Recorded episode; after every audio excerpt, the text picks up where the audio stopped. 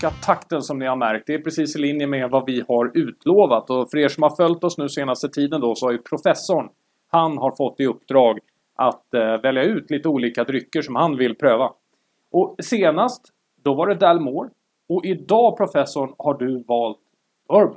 Ja, jag har inte bara valt bourbon, jag har valt Michters. Jag har valt Michters. Va- varför har du valt Michters? Michters är ju ett av de här eh, märkena av bourbon som kanske inte gemene man eh, känner till jättemycket men som har en lång anrik historia eh, och för mig är det här lite grann rötterna av bourbon faktiskt. Och du ska alldeles snart få komma tillbaka in i bilden här professor. Du ska preppa lite glas och sådär medan jag talar med någon som kan det här på fullständigt allvar, eller hur? Va? Hur menar du nu? Ja, du får lämna ifrån dig mikrofonen en stund Ja, bara så ja, ska jag tala med Patrik här så länge. Okej. Ja, nu när äntligen professorn har lyckats lämna studion och sitter och häller upp så häl- hälsar jag välkommen till Patrik Strandberg, Cask Sweden. Tackar så mycket. Kallar ni er fortfarande Cask Sweden eller säger man Cask Monsieur eller vad? Ja, du tänker nog på Kas Mostue? Ja, förlåt, Mostue, ja. Ja, nej, vi, vi är ju eh, två stycken bolag, Ja. eh, systerbolag. Eh, Kas Sweden är ju ett bolag som är mer fokuserat på, på starksprit, Mm. öl och cider. Sen så har vi då vi vårt eh, systerbolag som heter Mostue Grape Selections Mm. som är mer på vin, champagne, har även lite eh, öl och sprit i sin portfölj. Vad vi då har är också ett bolag, gemensamt bolag som heter Kask Mostue. Mm. Där vi har all vår backoffice och även alla våra säljare mot restaurang. Okej. Så att när vi frontar bolaget ut mot restauranger och så vidare så är det Kask Mostue. Mostue. Och där, eh, Men, så det är lite nu komplicerat. kommer ju professorn påstå att han kunde uttalet på det där, men det kunde han inte, det kan jag lova. Det kan jag lova. ja, det, det är norskt det är det. Så det Ja. är inte helt lätt. Nu, eh, du ska få höra en berättelse faktiskt om eh, vår relation till Cask Sweden som Mm. vi kom på när vi var på väg eh, hit faktiskt. Då var det så här att 2016 eller om det var 2017, jag vet inte exakt vilket år det var då, till Stockholm Beer and Whiskey Festival. Så hade vi då bokat in slottar med exakt vad vi skulle pröva i varje monter och vid vilken tidpunkt. Mm. Och då hade vi skickat en, en notis till er och sagt att vi kommer ungefär vid den här, eh, vid den här tiden. Men ni var nog ute på mässan och, och jobbade så att då, då fick vi inget svar. Vi fick svar på måndagen efter. Men det är strunt samma. För det roliga var då att vi kommer till Cos Sweden-monten och blir mäkta överraskade faktiskt. För inte nog med att det var eh, mycket, mycket större utbud än vad vi tänkte så var det också det att ni verkade helt plötsligt ha tagit in 15 stycken Loch Lomond. Så att vi står och så har vi en hel intervju med er och så säger vi på, på slutet då tackar vi Cask Sweden varpå Cecilia på Stellan Kramer då, vi var ju rätt nya, svarar då Ja nu är ju vi Stellan Kramer, Cask Sweden står där borta. Ni hade rygg i rygg med varandra. Ja. Ja. Så kan det vara. ja. Nu, men idag när vi känner varandra bättre då ska vi prova Mikters. Och Mm. vad är nu Mikters? För det har börjat bubbla i innerstan, på restauranger och lite allt möjligt. Mikters är på uppgång. Vad, vad är storyn bakom Mikters? Ja, om vi ska ta eh, och gå tillbaka där det började var ju Pennsylvania och eh, bryggeriet, är, eller destilleriet ska jag säga förresten, är ju ett av de första i USA som eh, historiken går tillbaka till 1753. Mm. Eh, och hette från början då Shanks. Eh, och hade lite resor fram och tillbaka. Eh, och eh, så småningom så gick det i konkurs helt enkelt. Mm. Och så var det en familj som heter Magliocco. Eh, som hade ett stort intresse för bourbon och dess historia. Eh, lyckades leta upp varumärket. Och eh, köpte loss det och Mm. började med, med produktion. Eller började faktiskt köpa in whisky ifrån eh, olika destillerier. Ja. Och, och eh, satte det under sitt varumärke. Eh, det gick sen i, i steg två var det att man köpte in sig i produktionen på Mm. olika destillerier. Eh, där man då producerade utifrån deras recept och så vidare. Man köpte in faten och lagrade då hos de här producenterna. Och så småningom nu då så har man satt upp ett eget destilleri Mm. eh, i början av eh, 2000, eh, eller 2010. Eh, och då har börjat producera själva. Och eh, nu siktar ni på, det kommer flera lanseringar här till Sverige. Jag ska inte gå igenom alla dem nu utan Nej. vi ska testa igenom dem. Men du, det går lite rykten på stan att Mikters är på, på uppgång. Lite restauranger och så som använder det i, i drinkar och grejer. Vad är det som gör Mikters unikt? Varför väljer man eh, den produkten?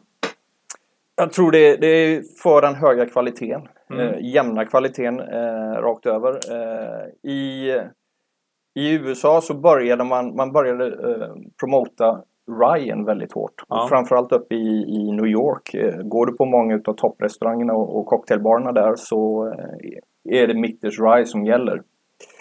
Eh, och det här har då börjat sprida sig och tittar du på i, där, där olika bartenders röstar på vilket är det högst trendande varumärket när det gäller bourbon så är Mitters nummer ett nu.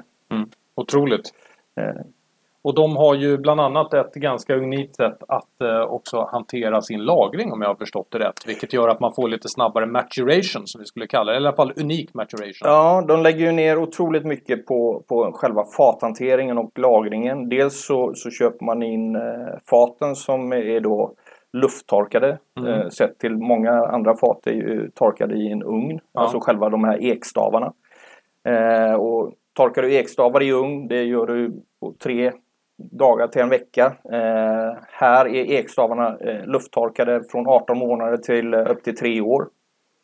Eh, och sedan då framförallt som du kom in på eh, själva lagerhusen då. Eh, man har värmeväxlare i dem. Mm. Eh, du har ju eh, cirka tre till fyra olika, eh, man ska säga, eh, å, vad säger man nu? Mm, hakar upp mig. Eh, Ja men säsonger och så vidare. Säsonger. Där, ja. eh, där eh, du får en naturlig eh, där, där eken, porerna i sig eh, öppnar och stänger sig och man får den här själva eh, mognadsprocessen i whiskyn. Och då eh, här då med värmeväxlingen så får du cirka 7-8 gånger. Mm. Eh, man, man hettar upp lagerhusen, man kyler ner dem just för att få den här extraktionen i- just i faten.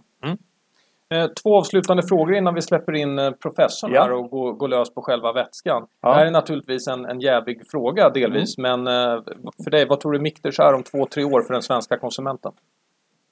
Jag tror att eh, framförallt så tror jag vi kommer se ytterligare några kanske i fasta sortiment på Systembolaget. Eh, vi ser ju att eh, den börjar få en, en lite grann av en pappa van Winkel-stämpel. Eh, dels eh, framförallt på de här lite äldre varianterna där man ser att, att priserna sticker iväg. Mm. Eh, så jag, jag tror att eh, för de som gillar en högkvalitativ bourbon, de, de har börjat dricka och börjat upptäcka det här varumärket mer och Mm. mer.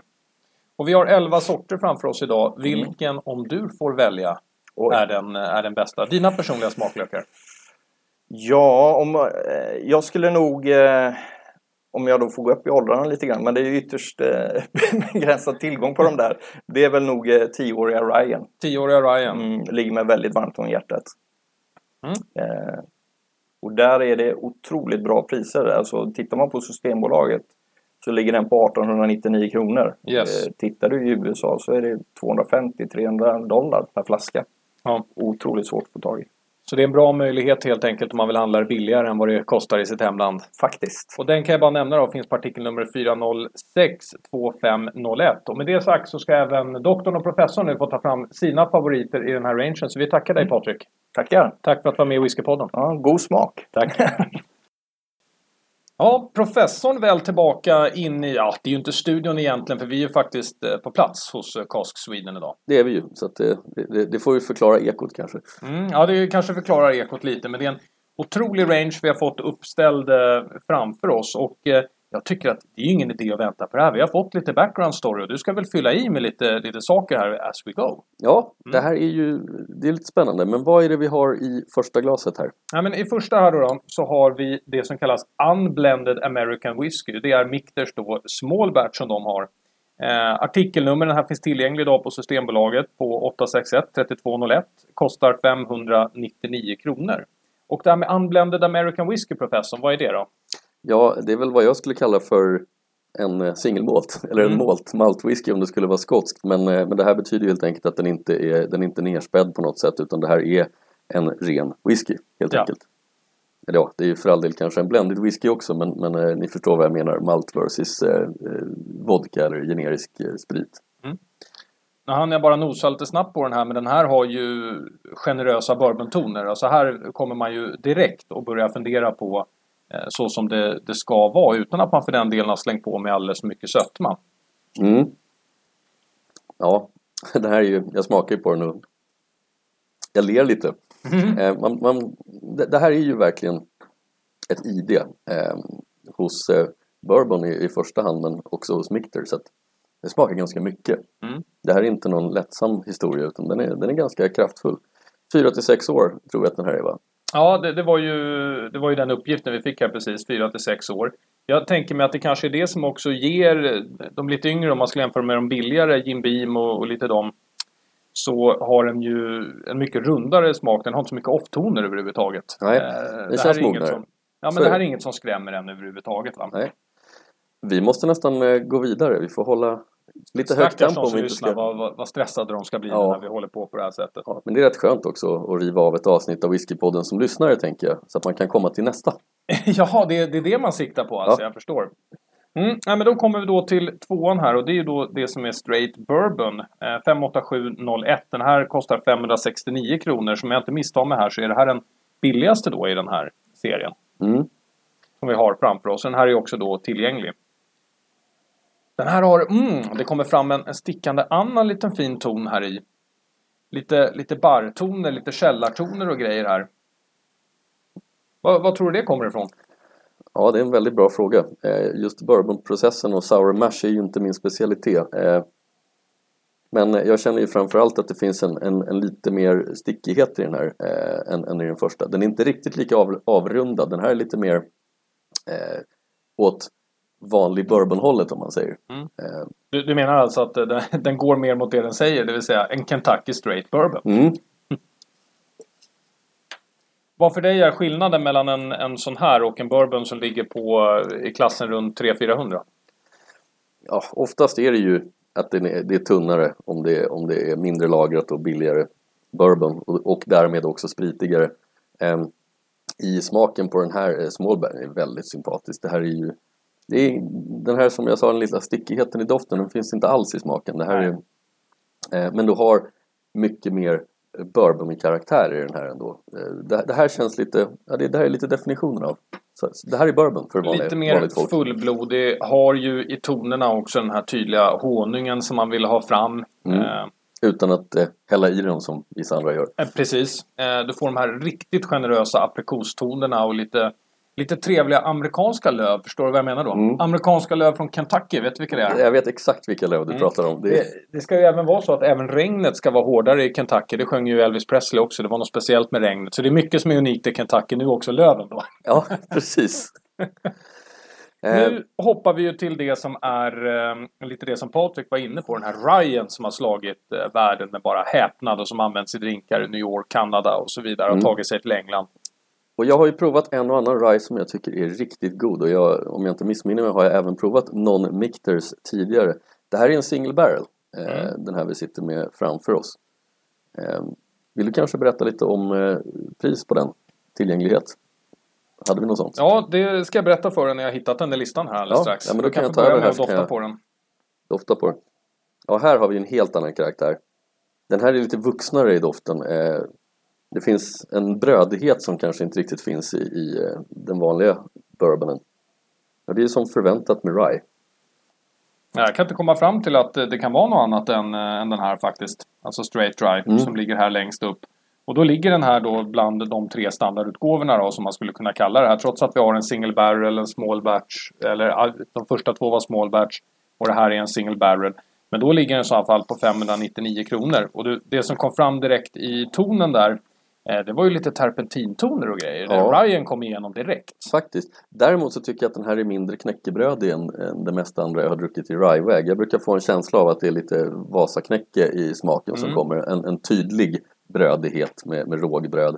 Eh, den upplever jag inte lika starkt här. Den här har en större sötma. Och jag skulle säga kanske lite mer lättdrucken än en, eh, generell eh, rye. Ja, men där, där håller jag helt med dig. Att den är det. Eh, det. Det som också är trevligt med den är att jag förstår varför den här är bra som drinkingrediens. Absolut.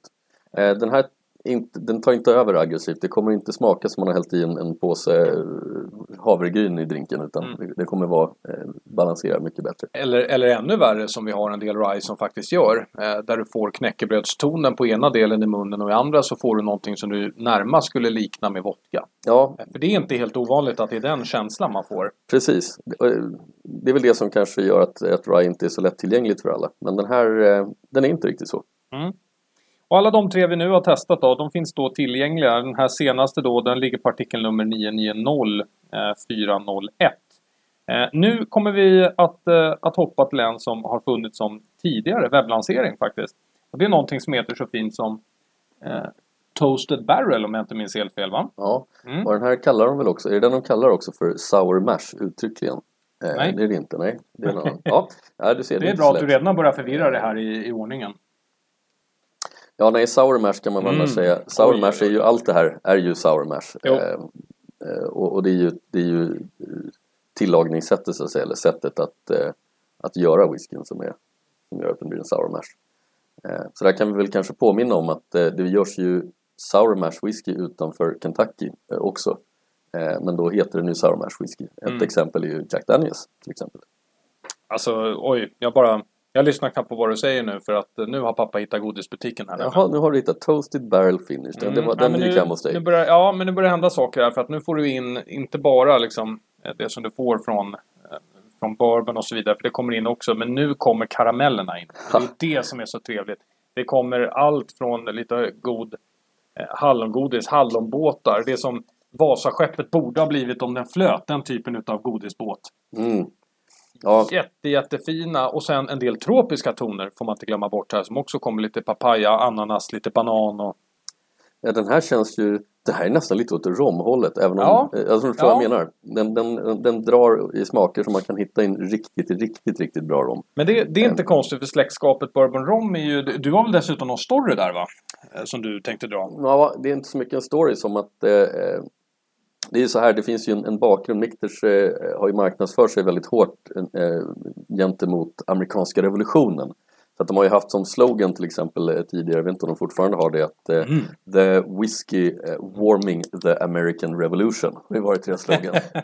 Och det går ju tillbaka till att eh, George Washington sägs ju ha köpt in eh, stora, stora mängder eh, Mikters på 1800-talet då och gett till trupperna. Och det var därför som de klarade av de här slagen på vintrarna. Ja. Så att eh, de, de anser väl att de har varit lite raketbränslet för revolutionen då. Och, och, men det är lite grann, man känner, det, det, det som var kopplingen till, till rommen då här, det var inte så mycket rommen i sig, men att känslan av att det här, när man dricker det, då, då får man nästan lite sådana här bilder från inbördeskriget, eh, gamla USA, eh, eh, och den här smaken smakar lite inbördeskriget Får- på får- samma får- sätt som... ja. Förlåt, får jag nu bara fråga? För nu börjar jag bli lite förvirrad här. Ja. Vi talar precis om revolutionen och nu är du på inbördeskriget helt plötsligt. Jag, jag, menar, eh, jag menar revolutionen Okej, naturligtvis. Eh, så vi är kvar inte på inbördeskrig. 1700-talet Ja, här, ja. 1700-talet, Ja. förlåt mig. Det är, jag som inte kan min amerikanska historia utan till. Jag menar revolutionen. Jag sa ju själv George Washington. Tyst nu. På samma sätt som det finns rom som man förknippar väldigt tydligt med, man börjar tänka på pirater, när man Pirater, dricker. ja. Ja. Så lite grann samma sak där. Det är, det är den här eh, gamla liksom, traditionen man, man känner i smaken. Det är lite som ett ID. Hårdnackare, man drack ur en stor sån här stålbunke. Ja. Bara tog den ur. Eh, den här var ju första tre kvalitativa, roliga, går att göra. Kul på drinkar också. Eh, men den här, eh, det här var ju riktigt roligt. Ja, Den här var mycket. kul tycker jag. Riktigt, riktigt kul. Vad kommer härnäst? Ja, nästa som vi ska ha här, då, då, är vi, då är vi tillbaka där igen. Toasted Barrel Finish, eh, som vi kan se här. Ska vi se vad det står exakt på, på etiketten här. Straight Bourbon Whisky. Mm. Så att, eh, ja, ja, det är väl det det är helt Ja. enkelt. Det är också en Också limited release. ett, precis, ett tidigare webblansering också. Mm. Som har funnits. Ska vi se vad vi kan få i den då. Ja. Anledningen till om ni, om ni undrar eh, varför vi har svårt att läsa på etiketterna. Det är inte för att vi har testat för mycket saker. Vi har inte testat någonting. Vi ställde dem lite långt ifrån bara där Ja. vi sitter. Och sen ska man faktiskt säga, ska man komma med någon kritik, hur kan man ha etiketter där alla ser likadana ut? Mm. Ja, det är lite svårt. Men man har ju lärt sig vissa saker här nu redan. Om den är eh, eh, grön, va? Det är då det är rye i alla fall.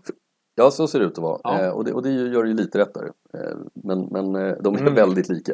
Nu kommer, eh, nu kommer de brända karamellerna in här. Åh, vad trevligt. Är det brända mandlar också? Ja, det, det är brända mandlar i. Det är framförallt eh, det här som jag brukar kalla då äpplet framför brasan. Va? Med lite Mm. socker runt omkring. Sådana toner. Ja, vi ska se. Mm. En, en viss terpentinighet i den här också, Mm. i doften. Oerhört generös smak.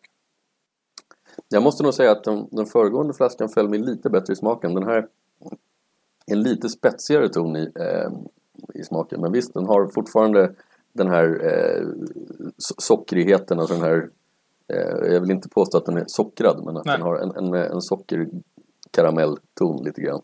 Lite mer bränd i den här. Kan jag också säga om det ifall det var någon som förvirrades här att de eh, lät som att de hette samma sak. Då kan jag säga att det, det gör de också. Jag sitter och jämför nu med listan. Eh, så det är så bara att det här är två tidigare webblanseringar eh, som har legat på samma pris men har kommit vid olika tidpunkter bara. det är inte svårare än så. Den ena kallar de sour mash och den andra straight bourbon. Ja. Kan, kan bero på att det är någon, någon skillnad som man inte känner till här på dem. Men eh, definitivt samma stil. Vilken föredrog du mellan de här då? Nej, den första. Den första? Eh, Ja, jag är med på det där. Jag tycker också det. Även om den här också var generös och det är lite för mycket terpentin i slutet faktiskt. Jag tycker den var lite spetsigare och det är det, det jag menar när jag säger det. Eh, vi är fortfarande på en helt annan nivå, ska vi då tillägga, än generisk bourbon. Ja, det, det var ju lite det jag var inne på när jag frågade dig. Liksom, vad, vad tycker du är skillnaden mellan en sån här och någon som ligger på 300-400 kronor? För det här är ju en helt annan verklighet. Ja, det är ju det. Eh, och det finns ju annan bourbon som, som ligger där också. Det är väl kanske den som vi lite grann försöker torgföra här. Titta, det finns ju bourbon som är riktigt bra. Mm, exakt. Vill du då ta upp eh, nästa här så ska vi se. För det här borde ju vara en rye då eftersom den är grön. Det är grönt, det måste ju vara en rye. Mm. En straight rye, toasted barrel. Yes, stämmer bra det. Och nu, nu, Jaså, nu springer han åttor här borta vet ja, ja, nu kom det, nu kom det både marsipan och, och vi är kvar på väldigt, väldigt mycket kanderade saker. Men också, ja, den här har en godishet i doften som är, helt eh, eh, unheard of jämfört med de andra. Mm. Och Och den här då, då Mm. eh, ska ju då fortfarande finnas kvar och den finns på 402 2401. Ligger också den här på 949 kronor. Så man har liksom gått lite i rangen här med lite olika sådana test här mot svenska marknaden. jag hade ju hoppats att du skulle Oj, säga oj, oj. 399 på den här men eh, för det här, För det, det skulle överraskande hända helt plötsligt i den här serien. Den du gillade mest, den kostar 399. Va? ja, nej, den här var Wow. Oj, oj, oj, oj, oj. Den här var min klara favorit hittills. Eh, Det här är, det här är jätte... Här kanske till och med du känner, för det här är ju murkrostade nötter vi talar Ja. nu. Det är nästan hasselnötter i, i doften. Det finns det, jag känner inte dem såklart. Eh, Jag känner att de är rostade, inte att det är nötter. Men, Du, eh, du vet inte vad det är som är rostat. Nej. Rostat är det. ja. Det är sådär att vara nöthandikappad. Eh, Mm. Mm. Men fantastiskt trevlig. Eh, Och så de här, mm, och mandarintoner. Ja, det kom... oj, det, oj, oj. Ja, Undrar var den får eh, bredden ifrån. Jag förstår att Ryan spelar in här, men om vi jämför med de tidigare. Det här är ju den första som nu verkligen sväller sig runt i hela munnen här. mm, och, En den, helhetsupplevelse. och, och vi ska väl säga här också att jag upplever ju ingen knäckebrödighet i den här alls. Eh, Jag skulle inte tagit den här som en Rye antagligen, om jag Mm. hade smakat på den. Bara som eh, fråga nu när din dator slocknade här nu. Eh, betyder det att vi fortfarande spelar in? Ja, det gör vi. okej. Ja, ja. Vad vet man? Vad vet man? Alright, vi hoppar till nästa. Den är ju också grön. Exakt. Då borde det vara Rye. Det är Titta vad duktiga vi har blivit. Ja, eh, liknande etikett men eh, eh, det här är en single barrel Mm. så det är en, eh, ett, ett specifikt fat. Det man förväntar sig av det, det är att eh, det är lite mer attityd och lite spretigare Ja. än, eh, än det är i en som inte är ett, ett, ett fat. Nu tror jag faktiskt att de tre föregående också är ett fat, åtminstone en, Mm. ett fat finish på, på den se- senaste vi provade. Ja, men som vi ser här också då. eh, Och det här eh, verkar vara viktigt att hålla koll på här. Vi har ju både då att antingen så har de olika batchnummer eller så som här då som vi är inne på nu.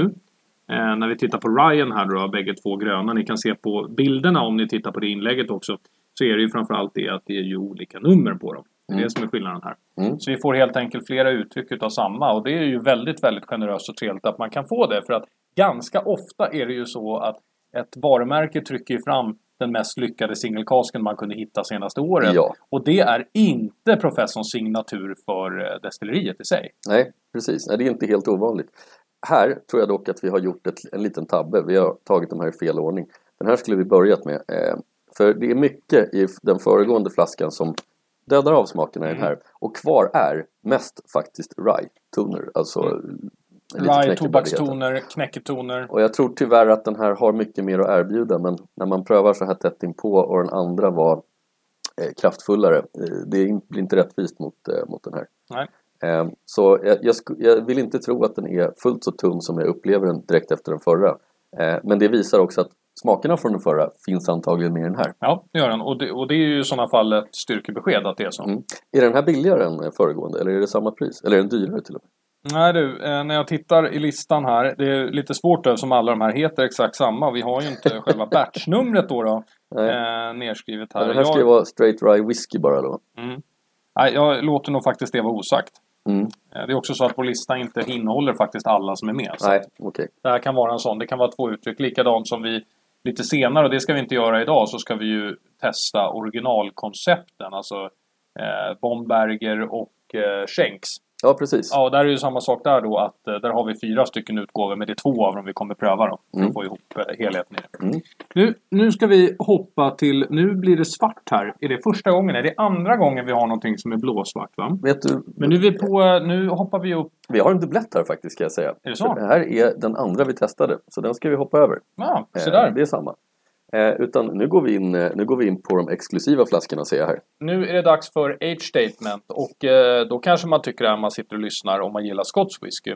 Eh, för nu ska vi testa två 10-åringar och sen en 20-åring kanske man tänker 10-åringar, vad, vadå? Är det den första age statement som de här bör... Men, men det här beror ju på produktionen, professorn, och det klimatet man har. Det gör ju det. Eh, och eh, det är ju ett mycket mer snabbmognande klimat i USA. Precis som vi också ser med whisky som görs i Indien eller Taiwan eller andra ställen som har lite speciella förutsättningar i klimatet jämfört med Skottland.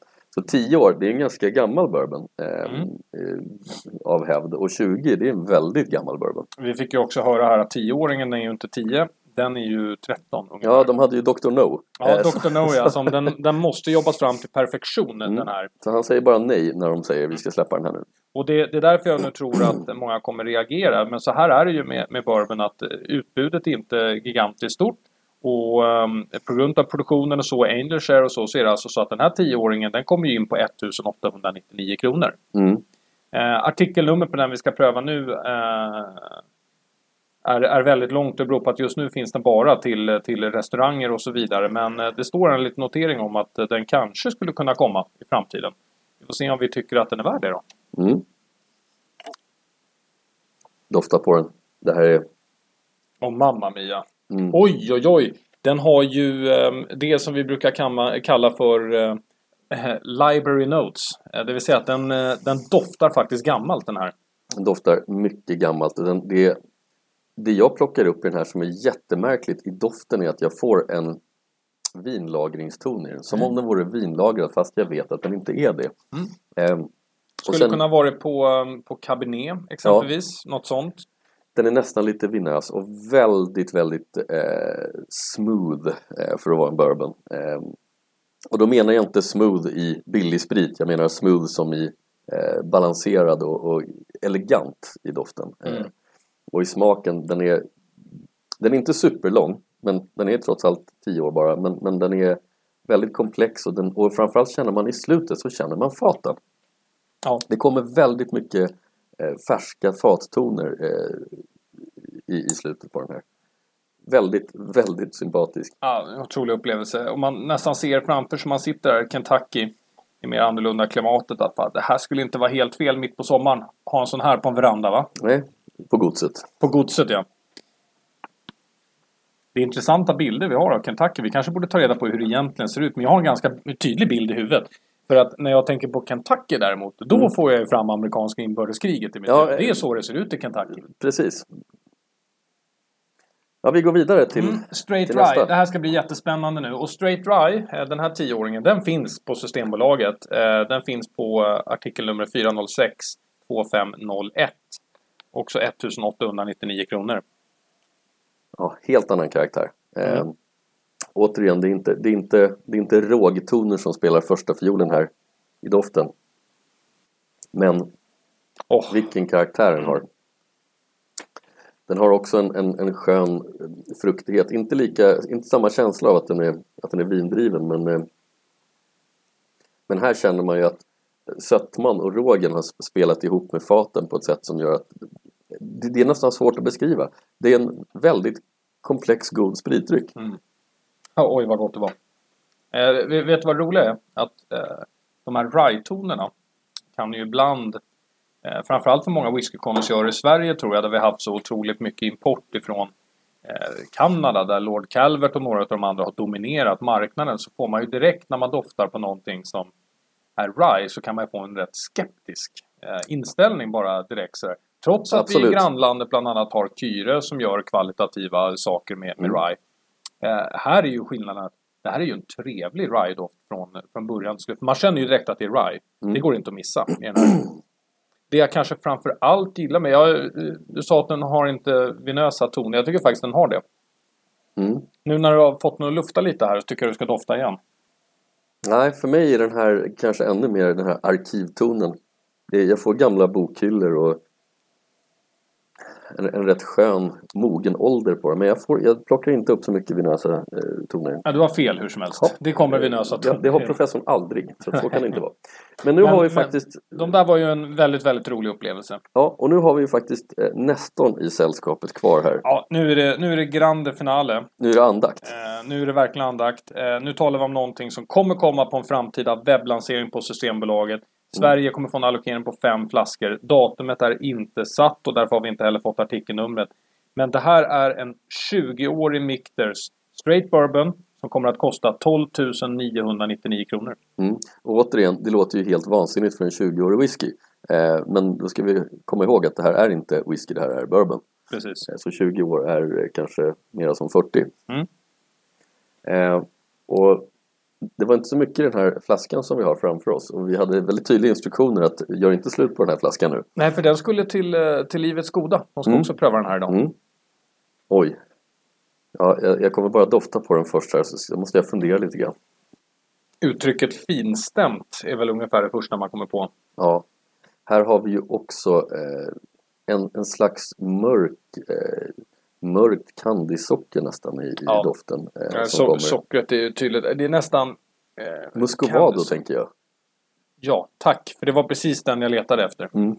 Eh, det som man bland annat kan göra en jätte, jättegod Irish coffee på, muscovado-socker. Precis den typen av konsistens tänker jag också på när jag doftar på det här. Mm. Sen är det plommonkompott, det är tydliga vaniljtoner.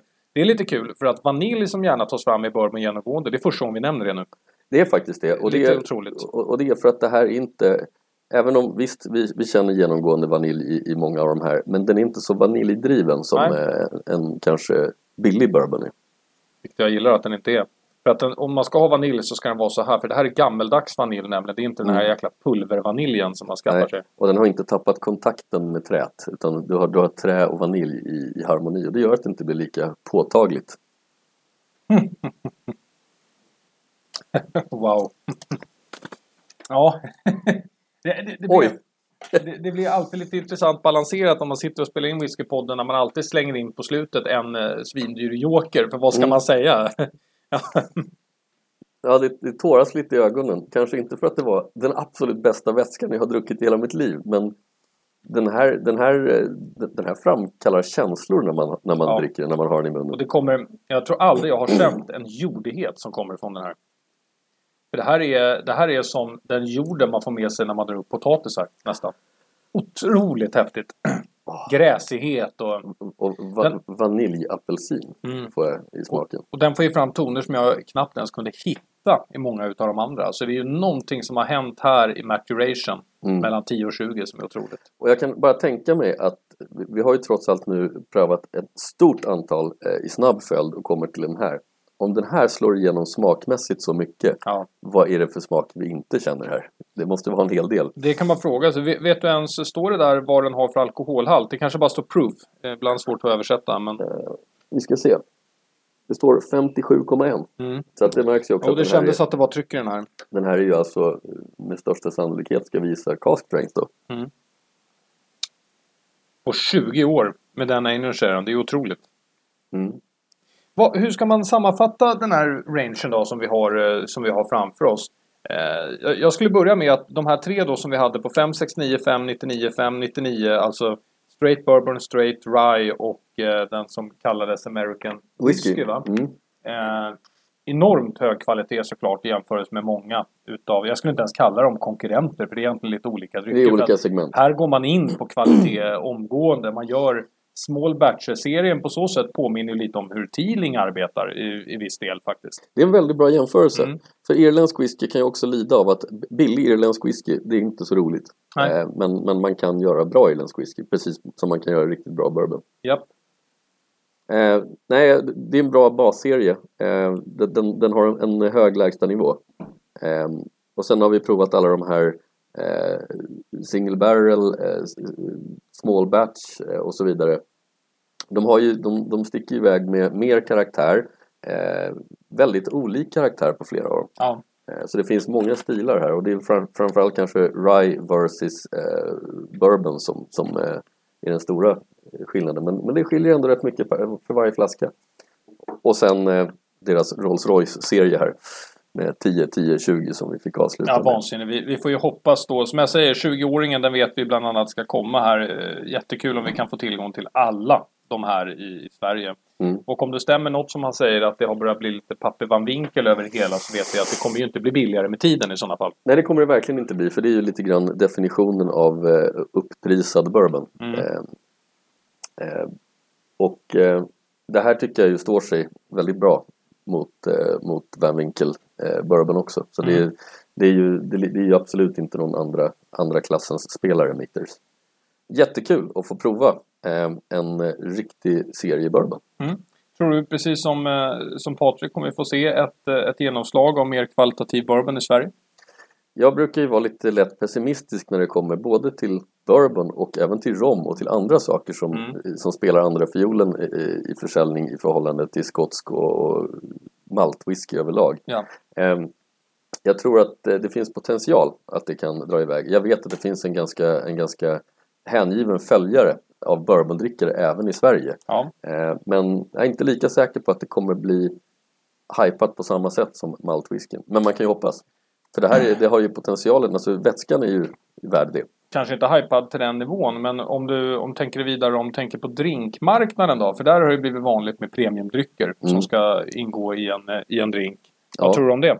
Ja, det tror jag. Där, där finns ju mycket större potential eh, Mm. att, att nå ut brett. Eh, och eh, eh, vill, vill du att jag skulle säga något speciellt här? Nej, jag ville mest att du skulle bekräfta. Kommer den gå bra på drinkmarknaden? Ja, ja, du, Där kommer den nå ut brett. Sen tappar du tråden. Ja, jag vet inte helt. riktigt. Ja, vi fick besök här i, i studion. Nej, men, Eh. men fr- frågeställningen är ju egentligen för säga okej, den kommer inte bli lika stor som singelmalten. Där håller jag med även om du tror att premiumsegmentet kommer växa. Ja. Nej men drinkar, Men- drinkar, där kan det ju faktiskt slå. För att jag tror att folk eh, tycker att det är lättare att ta till sig eh, en drink med en bra bourbon i än en drink med till exempel en eh, rökig singelmalt. Jag, Mm. jag tror inte att det är lika lättillgängligt. Och därmed så, där finns ju bättre potential. Och som avslutning för dig professorn, eh, utav de här tre då, då som idag redan då finns tillgängliga också, om vi börjar med de första tre. Mm. Eh, alltså det som vi hade American Whiskey, Bourbonen och så hade vi Straight Ryan. Vilken väljer du till att göra en drink mm, utav när det gäller dem och vilken drink skulle du göra? Ja, svårt. Jag är så dålig på drinkar. Men jag skulle, jag skulle utgå från Ryan. Mm. Faktiskt. Du Eh, blev drinkar. imponerad av det här som bartendern har sett också. Ja, eh, absolut. Och jag tror att den där går igenom eh, i drinken utan att ta över eh, på ett sätt som de andra kanske li- lite lättare att, att drunkna i övriga ingredienser. Men den, den har ett, ett tydligt IB som jag tror går igenom. Mm. Funkar bra. Eh, Kul! Du, Mm. det här var ju superkul, eller hur? Vi jätteroligt. tackar Cast Sweden så mycket för att vi fick möjligheten att eh, testa igenom hela den här Ja. serien. Och den här gången är det Cast Sweden vi tackar också. Det är Cast Sweden du tackar, ja du behöver inte oroa dig. Det... Den här gången har jag tittat på kartan nämligen. Perfekt. Du, vad är det du eh, ska få pröva nästa gång? Då ska du också få prova en rätt stor serie i tanken. Ja, jag har hört rykten om att vi ska få chansen att prova Glen Moray. Glenmore, det säger du alltså? Mm. Pris prestanda gillar ju professorn. Ja, och jag har förstått att här kan det finnas några guldkorn. Okej, ja, men då säger vi så. Får vi se om det blir Glenn Moray i nästa avsnitt. Det här var allt från eh, Whiskypodden med eh, doktorn och professorn. Vi önskar er en jättetrevlig vecka. Skål! Skål!